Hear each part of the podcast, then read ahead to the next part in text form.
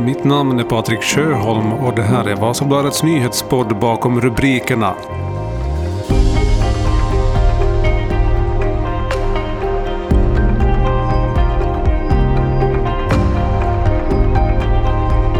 Idag i podden. Två nya omikron-varianter av coronaviruset har upptäckts i Sydafrika och enligt en virolog i Finland är det bara en tidsfråga innan varianterna också konstaterats i Finland. Vad innebär det här för coronapandemin? Men först. Det blir inget samarbete mellan energibolaget Fennovoima och den ryska leverantören Rosatom. Vad händer nu med planerna på ett kärnkraftsbygge i Pyhäjoki? Det här ska jag prata mer om med min kollega Sofia Westerholm idag, då det är torsdag den 5 maj.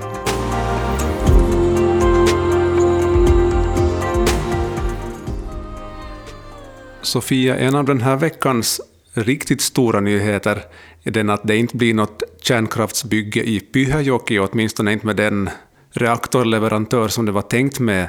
Fennovoima meddela i början av den här veckan att man har sagt upp avtalet med ryska Rosatom. Ehm, vi, vi backar bandet lite. Vad, vad handlar det här om, Sofia? Ja, det var ju en stor nyhet samtidigt som det inte var det. Ehm, det här projektet har i princip saknat sitt egentliga bygglov men, men man har ju ändå pågått och byggt där i flera år och det har gått cirka 700 miljoner euro till projektet. Men ändå så har, har näringsministern redan till exempel i februari då Ryssland inledde sitt krig mot Ukraina så sa näringsministern att han har svårt att föreställa sig en situation där han skulle föreslå ett bygglov för det här. Så en stor nyhet samtidigt som det inte var det. Precis. Men, det här, men eftersom nu Fennovoima då säger upp det här samarbetet med leverantören Raos, alltså ett dotterbolag till statliga ryska Rosatom, så blir det helt enkelt inget kärnkraftverk fast man har byggt där i, i en lång tid. Precis. Jag följde också med via, via videolänk den här presskonferensen som du följde på plats i Helsingfors. Det var, det var ord och inga visor där och ganska sammanbitna miner. Sa man något om orsakerna till varför man nu då häver det här avtalet? Eh, det var en fullsatt sal medierepresentanter från väldigt många olika medier och så. Och traditionellt så är vi kanske medierepresentanter också vana vid att efter en presskonferens så kan man få ställa lite enskilda frågor till de som har talat då. Men det här var redan när vi fick vår inbjudan och också under presskonferensen så, så betonar man tydligt att det kommer inte att ske, att det är inga enskilda intervjuer, vilket jag förvånades lite över. Eh, men de här själva uttalandena som kom då från vdn Joakim Specht och styrelseordförande Esa Hermele så så det var nog i princip ganska långt upprepningar av varandras ord men på olika språk. Och sen också en upprepning av vad man hade gått ut med i ett pressmeddelande några timmar tidigare. Och då säger man helt kort och gott bara att orsaken är att kraftiga förseningar och att Rosatom har en oförmåga att leverera enligt överenskommelse. Eh, man tar nog lite försiktigt också ställning till det här kriget i Ukraina och säger att det har ökat riskerna kring projektet.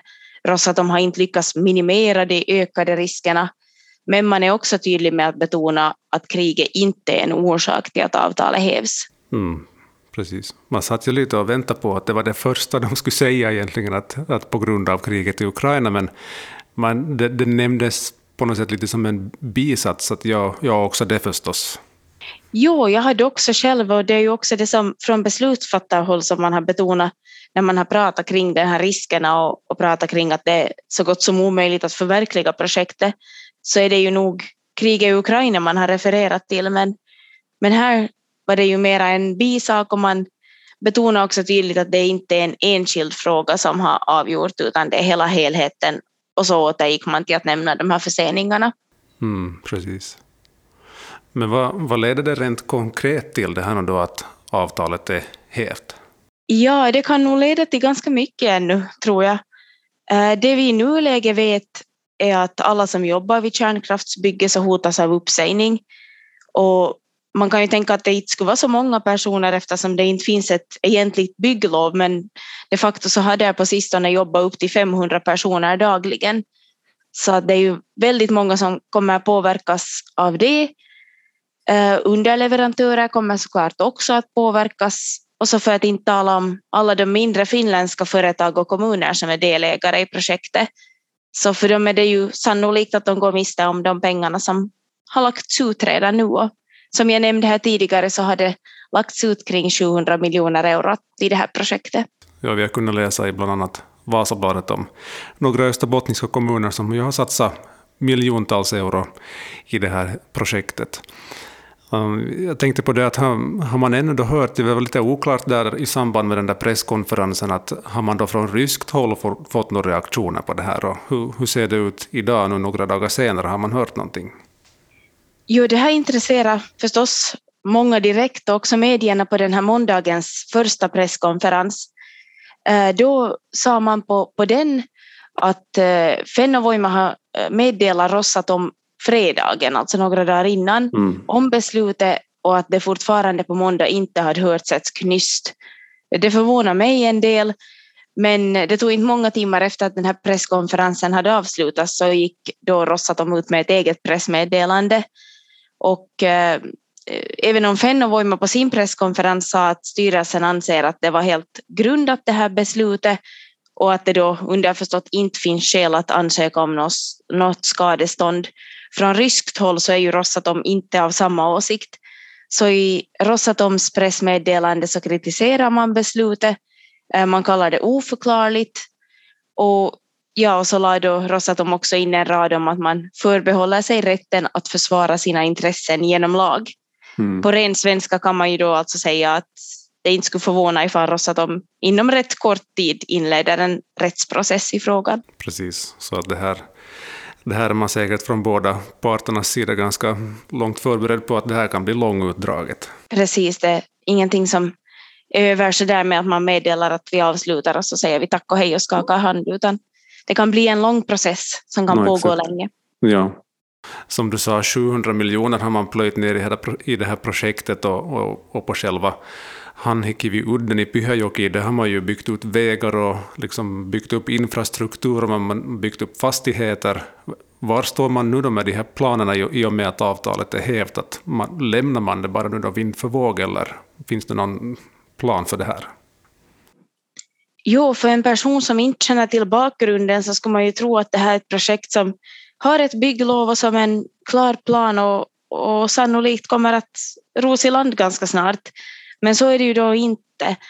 Eh, de här byggnaderna som rest, så de kommer nog att få stå kvar och de ska man också fortsätta underhålla. Men i övrigt så kommer det att bli tyst på byggarbetsplatsen inom rätt kort tid. Mm.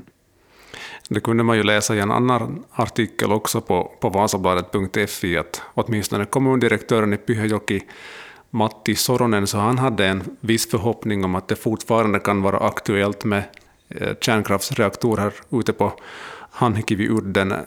Ser man liksom från Fennovoimas sida som det här som någonting som är möjligt och, och, när skulle det kunna ske då i, i, så fall? Ja, det sägs ju att så länge det finns liv så finns det hopp. Ja. Eh, men eh, ja, från Fennovoima så har många fråg, mediefrågor så har besvarats med att man inte vill spekulera i någonting i det här skedet. Eh, sen har nog Fennovoimas ledning också varit väldigt tydlig med att det för tillfället inte finns konkreta planer med någon annan leverantör. Och personligen så kan jag tänka mig också att det inte skulle vara allt för enkelt att få till sådana, just nu åtminstone. För det här Raos, alltså då Rosatoms dotterbolag, så äger fortfarande 34 procent av andelarna i Fennovoima.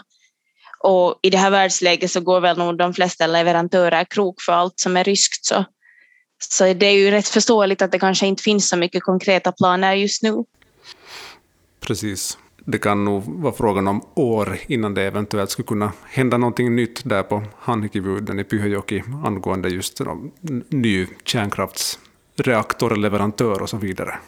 Precis, och så ska vi ju då minnas att vi inte vet ifall det är en rättsprocess som också väntar i det här fallet. Så det, hinner, det kan behövas lång tid innan vi får ett avslut på det hela. Tusen tack ska du ha för det här, Sofia.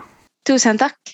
Och så ska jag säga att om man vill läsa mer om det senaste kring kärnkraftsbygget i Pyhäjoki, då hittar du det på vbl.fi podd. Vi är snart tillbaka.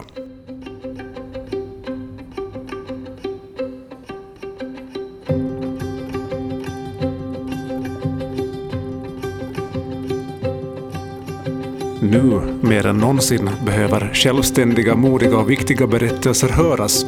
Journalistik och pressfrihet är viktiga byggstenar i en välmående och stark demokrati.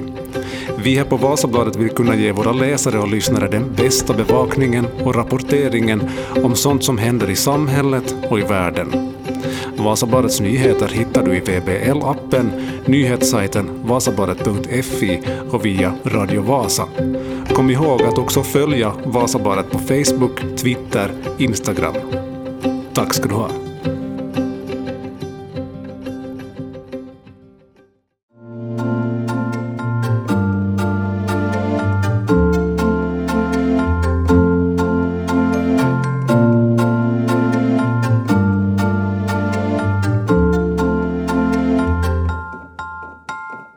Var en tid sedan coronaepidemin var på tapeten, åtminstone den mediala uppmärksamheten är aningen mindre för tillfället.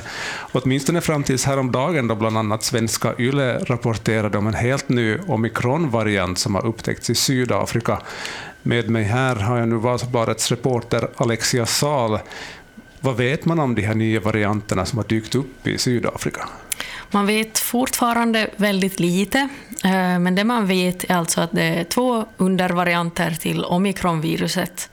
Eh, och det är då en mutation av det ursprungliga coronaviruset. Precis. De här eh, nyheterna har vi fått med jämna mellanrum. Man får ju déjà vu till både 2021 och 2020. Varje gång har man funderat på, no, är inte är det väl det här farligare nu då än den förra variationen som var? Finns det hittills några uppgifter om att den här, eller de här varianterna skulle vara farligare eller rent av dödligare än tidigare? Ja, enligt det man vet just nu så verkar de inte vara varken farligare eller dödligare än någon av de här tidigare varianterna. Eh, man misstänker dock att de här virusvarianterna som då går under namnet BA4 och BA5, att de är mer smittsamma än de tidigare varianterna. Och, och de har ju också varit väldigt smittsamma. Eh, men man har påpekat att det här kan ändra när forskare fått mera kunskap om läget och de här varianterna. Precis. Ehm, förra gången vi läste rubriker om omikron och den snabba smittspridningen så då stängdes ju samhällena ner på nytt och distansjobb blev aktuellt återigen. Ehm, har man nu då av de här varianterna ännu hittat några spår i Finland? Eller? Nej, inte vad man vet av. Man har dock eh, bekräftat att just dessa varianter eh, finns eh, i England, Skottland, Tyskland och Danmark. Den finländska virologen Olli Vapalahti så har sagt i en intervju då till Svenska Yle att det är bara en tidsfråga innan den, eller de två olika varianterna också finns i Finland. Eh, eftersom förstås gränserna är väldigt öppna i nuläget så mm. den här eh, smittan sprids väldigt lätt. Mm. I och med att man har upptäckt de här variationerna i, i flera länder, finns det nu tecken på att man eh, liksom i Europa eller internationellt funderar på att skärpa restriktioner igen till exempel? No, det återstår att se. Man verkar vara så i, i så tidigt skede att det är lite svårt att säga, men eh, man har orsak att tro att den här, det här kan innebära att antalet coronafall nu kommer att öka igen under den närmsta tiden. Eh, och troligtvis är det ju avgörande ifall sjukhus blir överbelastade eller inte. Mm. Det påverkar ganska mycket. Ja, precis. Som det har varit tal om tidigare också, att det är sjukvårdens kapacitet som, som styr. Eh, finns det några uppgifter om hur pass skyddad man är mot nya varianter om man har redan haft covid eller är vaccinerad?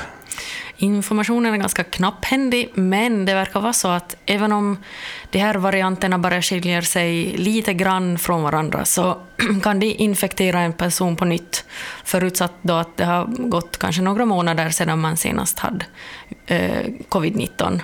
Men eh, Gällande vaccinet så allt tyder fortfarande på att vaccinet ger ett bra skydd mot allvarlig sjukdomsbild, även om man kan bli smittad. Precis. Um, I övrigt, då, vi får ju uppdateringar ungefär en gång i veckan i, i nuläget om smittläget i Österbotten.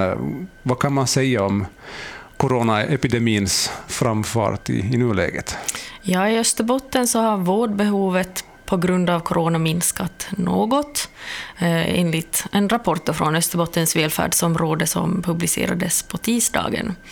Och på tisdagen så såg det ut som att, eller då var 26 personer eh, på vårdinrättningar och vårdades för coronaviruset. Och tre av dem så var då på intensivavdelning. Precis. Um, vi är ju i maj månad och går mot sommaren. Under tidigare somrar här under epidemin eller pandemin så har man ju sagt att just sommaren som medför en mindre smittspridning eftersom folk vistas mera utomhus. Eh, kan man säga något om vad de här nya varianterna som man nu har upptäckt i Sydafrika kan ha för inverkan på sommar och just smittspridningen? Ja, som tur är så sprider sig virus sämre på sommaren. Och det beror på att eh, luften är fuktigare och dessutom så umgås man ju mera utomhus. Eh, så förhoppningsvis har vi en relativt normal sommar att se fram emot. Men som vi redan känner till så kan allt förändras mycket, mycket snabbt när det gäller just coronaviruset. Så vi får, eh, vi får hålla koll på läget helt enkelt. Precis. Se hur det utvecklas. Ja. Vi har ju inte haft så värst länge här i Österbottens välfärdsområde att den här rekommendationen om munskydd försvann till exempel och andra restriktioner har också hävts. Man är ju lite på tårna, man är lite skadad av de här två åren med coronapandemin, att vad, vad månne kommer nästa gång. Men det är helt enkelt så att vi får följa med vad de här nya varianterna för med sig och knappast är det de sista varianterna heller som uppstår av coronaviruset. Antagligen inte. Tusen tack ska du ha, Alexia. Tack. Du har lyssnat på nyhetspodden bakom rubrikerna. Och eftersom det är torsdag den 5 maj idag så ska jag tipsa om lite läsning som du kan ta del av på våra nyhetssajter. Det handlar bland annat om utmaningarna inom småbarnspedagogiken. Över 18 000 nya lärare och socionomer behövs inom småbarnspedagogiken de kommande åren. Dessutom kan du läsa om att det fortfarande råder stor brist på cykeldelar. I fjol var det svårt att få tag på komponenter och reservdelar och det har inte blivit lättare i år. För intervjuer, klipp och produktion står jag, Patrik Sjöholm. Nu har du som lyssnar och inte är prenumerant möjlighet att prova på Vasabladet en månad för endast en euro. Det ger dig tillgång till allt innehåll på nyhetssajten och i VBL-appen. Allt du behöver göra är att söka dig till vbl.fi podd och använda dig av rabattkoden NYHETER. Det här var allt för den här gången. Vi hörs igen om en vecka, nästa torsdag igen. Tusen tack för att du har lyssnat på det här avsnittet. Ha det gott!